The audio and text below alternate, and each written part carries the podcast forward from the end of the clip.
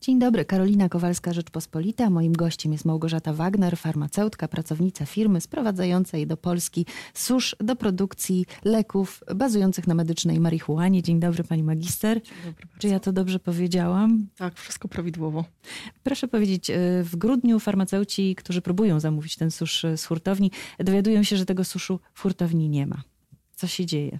Mamy problem z, z jego dostępnością. Czekamy na e, procedury, które w tej chwili dzieją się na terenie Kanady. E, Rząd kan- kanadyjski musi udzielić zgody na eksport surowca na teren Europy.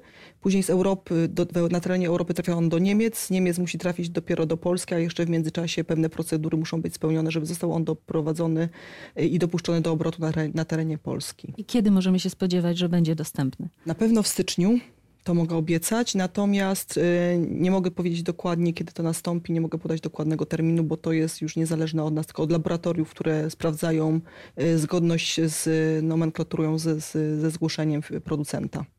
Czyli chorzy polscy, którzy chcieliby się leczyć środkami na bazie medycznej marihuany, nie mogą tego dostać. Nie mogą w tej chwili dostać. Ja bym chciała bardzo przekazać im dobre wiadomości, natomiast y, to wygląda w tej chwili jak wygląda i te procedury po prostu zajmują y, pewien czas i musimy się uzbroić w cierpliwość. A z czego wynika brak dostępności na rynku kanadyjskim?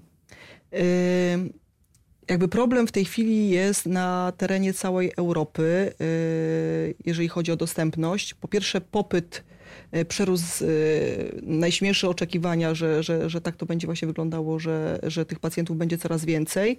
Yy, Kolejne kraje dołą- dołączają do, do wprowadzenia tego jako formy leczenia e, i są pewne problemy z, e, u części innych producentów, którzy także dystrybuują te, te surowce na, na terenie innych krajów i mają problemy w tej chwili z dopuszczeniem do obrotu na terenie pozostałych krajów Unii Europejskiej.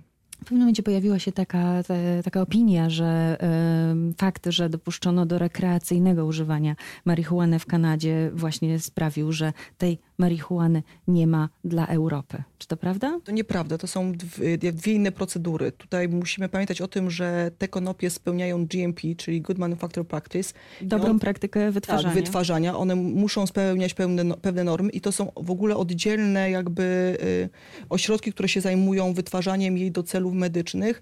Natomiast y, pamiętajmy, że to jedzie do nas z Kanady. Transport, y, pewne procedury tutaj na, na terenie y, y, Europy, które muszą być spełnione, okres świąteczny, który nie sprzyjał wcale temu, żeby to postępowało szybko oraz to, że pewne te procedury też jakby trwają po prostu na terenie Polski, a później sama dystrybucja już do aptek, to tak, także zajmuje nam pewien okres czasu. Od kiedy zaczęła e, funkcjonować e, ustawa Leroya, czyli nowelizacja ustawy o przeciwdziałaniu narkomanii, która zezwalała na m, używanie medycznej marihuany przez pacjentów polskich, e, też minęło trochę czasu, zanim firma Pani, firma, w której pani pracuje, zdecydowała się na sprowadzenie tego suszu. Dlaczego to tyle trwało? Zdaje się, że pół roku to trwało. Y, Tyle trwały w ogóle procedury na terenie Polski. To nie było tak, że firma y, tak długo się decydowała, tylko tyle nam zajęło ściągnięcie pierwszej partii, pół roku na, na teren. A na same teren zezwolenia? y, same zezwolenia, w ogóle przejście całej tej procedury, żeby zarejestrować cokolwiek, bo zwróćmy uwagę, że mijają dwa lata od wprowadzenia tego rozporządzenia w życie, a my nadal mamy na terenie Polski jeden, jeden dostępny w ogóle, jeżeli akurat jest dostępny, susz y, i y, nawet jeżeli kolejne jakby firmy próbują zarejestrować kolejne produkty, to mają jednak problem z wprowadzeniem go na rynek polski Z czego to wynika? Z, ze jakby skomplikowania całego mechanizmu, który należy przejść. Yy, Mimo, że to jest surowiec farmaceutyczny i podejście do rejestracji jest jakby dla z jednej strony ułatwione, ale z drugiej strony jednak został on potraktowany częściowo jako lek, więc yy, producent musi naprawdę rygorystyczne wymogi spełnić, żeby ten produkt został sprowadzony na rynek polski. A czy ma Pani wrażenie, że to jest taka bariera, która ma e, zniechęcić e, producentów czy dystrybutorów do tego, żeby sprowadzać susz e, do Polski? Moja prywatna opinia może tak, natomiast mam nadzieję, że nie, bo jednak rządzący pochylili się nad chorymi osobami w Polsce i umożliwili im dostęp do tej formy leczenia, więc mam nadzieję, że wszystko jakby to, co zostało stworzone, zostało stworzone, żeby zapewnić im jak największe bezpieczeństwo.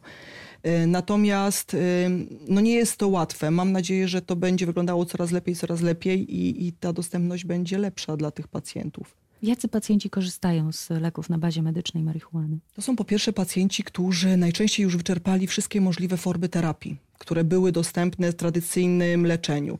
I pacjenci, którzy jakby już stanęli pod ścianą i muszą skorzystać z czegoś innego, z czego do tej pory nie korzystali. Są to pacjenci, którzy walczą z bólem przewlekłym. Są to pacjenci onkologiczni, którzy cierpią na wymioty wywołane chemioterapią. Są to pacjenci z, ze stwardnieniem rozsianym, którzy cierpią z powodu spastyczności. To są osoby naprawdę ciężko chore, które potrzebują pomocy, bo już nie dają sobie rady z funkcjonowaniem y, normalnie na co dzień ze względu na to, jakie objawy się pojawiają przy okazji tych jednostek chorobowych, które im towarzyszą. A jak z lekarzami? Czy lekarze chętnie przepisują tę formę leczenia? Myślę, że coraz chętniej, że otwierają się, że są y, zainteresowani, że pragną coraz większej wiedzy na ten temat, więc to wygląda w tej chwili na terenie Polski coraz lepiej. Ja, my już rozmawiałyśmy prywatnie wcześniej, więc ja mówiłam, że jeszcze jakiś czas temu y, liczba lekarzy, którzy się na tym znali, to się mieściła tutaj w tych dwóch może nie małych, ale dłoniach, a w tej chwili to już jest naprawdę duże grono lekarzy, którzy stosują to od roku i widzą duże postępy w terapii u swoich pacjentów. I są to nie tylko lekarze z dużych ośrodków klinicznych. Nie, tylko te, również lekarze z małych miejscowości, z takich, z której ja pochodzę, więc yy, naprawdę można zaobserwować, że pacjenci na tym zyskują, a lekarz także widząc yy, potencjalne możliwości stosowania tego w terapii u pacjenta, także korzysta, widząc, że może temu pacjentowi w ogóle pomóc. A jak jest z farmaceutami, bo jest to lek recepturowy, farmaceuta dostaje susz, zamawia ten susz z hurtowni i musi ten lek jakoś przygotować. Na czym polega to przygotowanie? Tak naprawdę e, polega to na odważeniu odpowiedniej ilości i wydaniu tego pacjentowi. E, w aptece się tego praktycznie w ogóle nie przetwarza, bo w tej chwili nawet nie możemy za bardzo przetwarzać. Nie mamy monografii e, farmakopei polskiej, ona jest dopiero tworzona. Opieramy się na farmakopei niemieckiej albo na holenderskiej, natomiast tam także nie ma pewnych przepisów do wykorzystywania tego suszu, do przerabiania go na inne postaci, więc pacjent otrzymuje kwiatostan, żeński y, konopi po prostu do, do wykorzystania. I, I co z tym kwiatostanem robi? Y, najczęściej przyjmuje go w formie wziewnej, czyli, czyli najłatwiej można powiedzieć, że pali, Y, rekomendowaną formą podania jest waporyzacja, czyli takie przyjmowanie, podczas którego nie wytwarza się taki standardowy dym. To nie jest palenie, tylko jest podgrzewanie do temperatury parowania. Są specjalne waporyzatory do Są tego? Są specjalne sprzęty do przyjmowania, gdzie pacjent może bezpiecznie to przyjmować, y, kontrolować y, temperaturę, ilość tego surowca, którą tam, tam przyjmuje tak naprawdę, nie obawiając się o przyjmowanie przy okazji potencjalnie rakotwórczych substancji, które powstają podczas palenia, no bo nie oszukujmy się. Również w trakcie palenia marihuany. Podczas palenia marihuany podczas każdego palenia czegokolwiek powstają po prostu substancje potencjalnie rakotwórcze, więc to nie jest rekomendowane. O tym się wiele nie mówi, raczej się mówi o tym w kontekście papierosów tradycyjnych. Tak, ale to tak jak, jak, jak tradycyjne papierosy, także tutaj powstają pewne substancje, które mogą potencjalnie pacjentowi zaszkodzić, yy, więc dla pacjenta najbardziej ekonomicznie i najbardziej zdrowo jest przyjmować to w formie waporyzacji. I rzeczywiście tak pacjenci przyjmują ten lek? Starają się przyjmować w postaci wapo- przy, przez waporyzację. Jeżeli mogą, to y, rzeczywiście ten waporyzator kupują, ale najczęściej pierwsze przyjęcie, sprawdzenie, czy to w ogóle działa, to jest tradycyjne przyjęcie, czyli przy użyciu lówki, przy użyciu skręta, e, gdyż pacjent nie będzie inwestował dużej ilości, dużej kwoty e, na zakup waporyzatora, jeżeli nie sprawdzi, czy to w ogóle u niego działa, a najczęściej ci pacjenci nie wiedzą, bo nigdy nie przyjmowali takiego preparatu w swoich. A ile kosztuje taki waporyzator? Najtańszy, znaczy, najniższe ceny to jest 300 zł, natomiast ja bym ich nie polecała pacjentowi. Średnie, średni koszt zakupu dobrego, dobrej jakości waporyzatora to jest około 1000 zł. Państwo niemieckie te waporyzatory swoim pacjentom refunduje. No właśnie, y, marihuana medyczna jest dopuszczona w Polsce, ale nie jest y, refundowana. Co więcej, y, po wejściu ustawy Leroya skasowano możliwość refundacji tego leku sprowadzanego w imporcie docelowym. Tak. Dlaczego to jest, tak się To jest jedyny taki preparat, który znajduje się w recepturze, który jest wydawany pacjentom na 100%. E, Ciężko mi opiniować, jak, dlaczego to się stało. Uważam, że pacjenci, którzy cierpią i jeżeli rzeczywiście są znamiona, że oni wykorzystali tradycyjne leczenie, tak, tak samo jak każde inne leczenie, to należy im się zgodnie z konstytucją y, prawo do bezpłatnej opieki zdrowotnej, natomiast przynajmniej do jakiejś refundacji, natomiast ci pacjenci pokrywają pełne koszty swojego leczenia. One nie są małe. Tra y, średni, podejrzewam, że tak średni koszt miesięcznej terapii dla pacjenta zaczyna się od 300 zł w górę. Bez zakupu waporyzatora. Y, są pacjenci, którzy w ramach swojej terapii, y, koszt tej terapii osiąga kwoty rzędu ponad 2000 zł. To są ogromne koszty. Ja rozumiem, że to są też pacjenci, którzy bardzo dużo wydają na inne leki.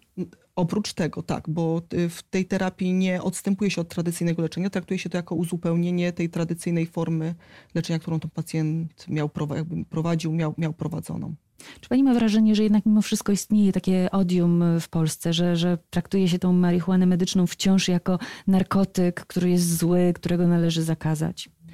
Y, myślę, że nadal, chociaż coraz mniej, że to się zmienia i o tym świadczą sami pacjenci, którzy opo zaczynają opowiadać sąsiadom, rodzinie, lekarzom, że w ogóle stosują tą formę terapii i coraz więcej osób się otwiera na to, że jednak jest to jakieś, jak, jakaś forma leczenia i, i ściągane są te wszystkie naleciałości, y, te wszystkie mity, które narosły, urosły wokół konopi i my je po prostu odkłamywujemy. Cały czas zmieniamy postrzeganie tej, no zacznijmy od tego, że formy leczenia bo na całym świecie jest to uznana forma leczenia dla pacjentów. Jest to wprowadzane i rekomendowane przez różne towarzystwa.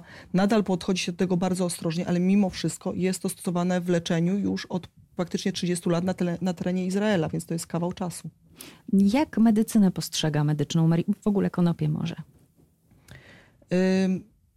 mamy preparaty, które opierają się na kanabinoidach, a podstawą do działania kanabinoidów jest to, że mamy w swoim organizmie układ endokannabinoidowy. Jeżeli mamy tu taki układ i są substancje, które z nim współdziałają, to to musi zacząć działać, tak? Czyli to rzeczywiście działa i pomaga pacjentom w tych różnych jednostkach chorobowych. Ten układ coś hamuje?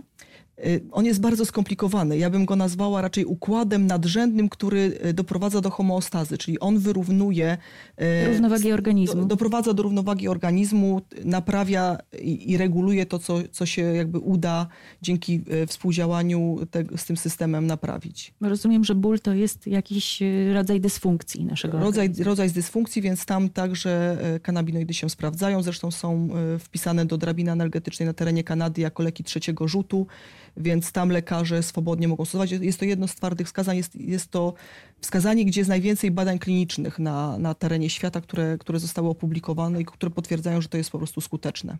Pani razem z wieloma innymi ludźmi e, stoczyła olbrzymią walkę o to, żeby medyczna marihuana została dopuszczona e, do obrotu na terenie Polski. E, jak ta walka wyglądała? Ja tak naprawdę to tak małą cegiełkę do tego dorzuciłam. Tam jest mnóstwo ludzi, którzy naprawdę ciężko walczyli, ciężko pracowali, żeby to stało się legalne na terenie Polski. E, nie było łatwo. Natomiast ja im wszystkim bardzo dziękuję, bo w tej chwili jesteśmy tu, gdzie jesteśmy i mam nadzieję, że to jest dopiero początek naszej drogi i perspektywy tak naprawdę dla pacjentów w Polsce są coraz szersze i będą szersze, a e, politycy e, i władze ukłonią się jeszcze bardziej w kierunku pacjenta, żeby miał on możliwość stosowania tego na co dzień w swojej terapii. Ile, ile lat to trwało? To się zaczęło 5 lat temu. To się zaczęło 5 lat temu, więc to jakby ktoś mnie się, mnie się zapytał 5 lat temu, czy pacjent w Polsce będzie mógł stosować legalnie konopie, to ja bym powiedziała, że absolutnie nie, a jesteśmy dzisiaj w 2020 roku i pacjenci mogą to legalnie stosować. A jak to wyglądało? Jak stosowano? Bo wiem, że stosowano jednak medyczną marihuanę, zanim ona stała się legalna. To były preparaty, które nie były legalne. Najczęściej pacjenci e, sięgali e, do preparatów, które ściągali spoza granic naszego kraju albo zdobywali od dealera. I mimo, że e, to nie było legalne, to oni już byli w takim stanie, że nie mieli wyjścia i musieli to używać. I to były osoby naprawdę bardzo ciężko chore. To nie były osoby, które to stosowały sobie od tak, bo miały takie widzimisię, tylko osoby, które naprawdę cierpiały, bo większość naszych pacjentów, która trafiała wtedy do punktu konsultacyjnego, to były osoby jakby w stanie paliatywnym, które potrzebowały tego bo już sobie nie radziły z, z, codziennością. Tam była też kwestia dzieci, prawda? Bo byli rodzice, którzy chcieli swoim dzieciom dawać. E, dzieci z padaczkami lekoopornymi, dzieci w ciężkim stanie, w stanie zagrożenia życia, gdzie e, no jakby powinno się pomagać takim osobom, takim chorym w pierwszej kolejności, a to nie było zapewnione, więc oni zapewniali to sobie sami. Medyczna marihuana, w ogóle marihuana była nielegalna, a pani prowadziła w swoim mieście punkt konsultacyjny. Jak to było możliwe? Bo my takie mamy miasto po prostu, bardzo przychylne chyba. To jest Kalisz, prawda? E, Konin. Konin. Konin.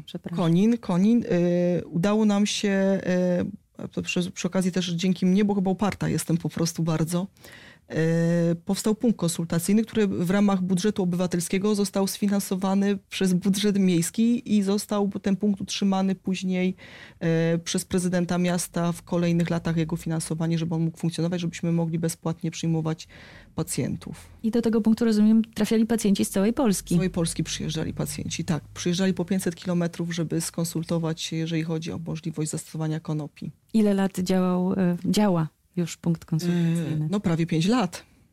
Prawie Czy- 5 lat, najpierw dwa lata bez finansowania, potem kolejne 3 lata już były z finansowaniem z, z budżetu miasta. Mówi pani, że gdyby pięć lat temu ktoś pani powiedział, że e, w 2020 medyczna marihuana będzie legalna w Polsce, e, to by się pani zdziwiła. A wybiegając e, w przyszłość, czego mogłaby sobie pani życzyć na kolejne pięć lat? W kontekście medycznej Na marihuany. kolejne 5 lat, żeby, jak, żeby to wyglądało tak jak w innych krajach, bo nam jeszcze dużo brakuje. Żebyśmy mieli wiele odmian, żeby pacjent miał refundację, żeby powstawały miejsca, gdzie pacjent będzie kompleksowo zaopiekowany, będzie pełna, pełna opieka nad tym pacjentem i e, żeby w końcu przełamać pewne bariery i postrzeganie e, społeczeństwa, jeżeli chodzi o stosowanie tego rzeczywiście w tylko i wyłącznie w aspektach e, zdrowotnych, medycznych. Oby tak się stało. Dziękuję bardzo. Dziękuję bardzo. Moim gościem była Małgorzata Wagner, farmaceutka. Ja zapraszam na Rzecz o Prawie na poniedziałek.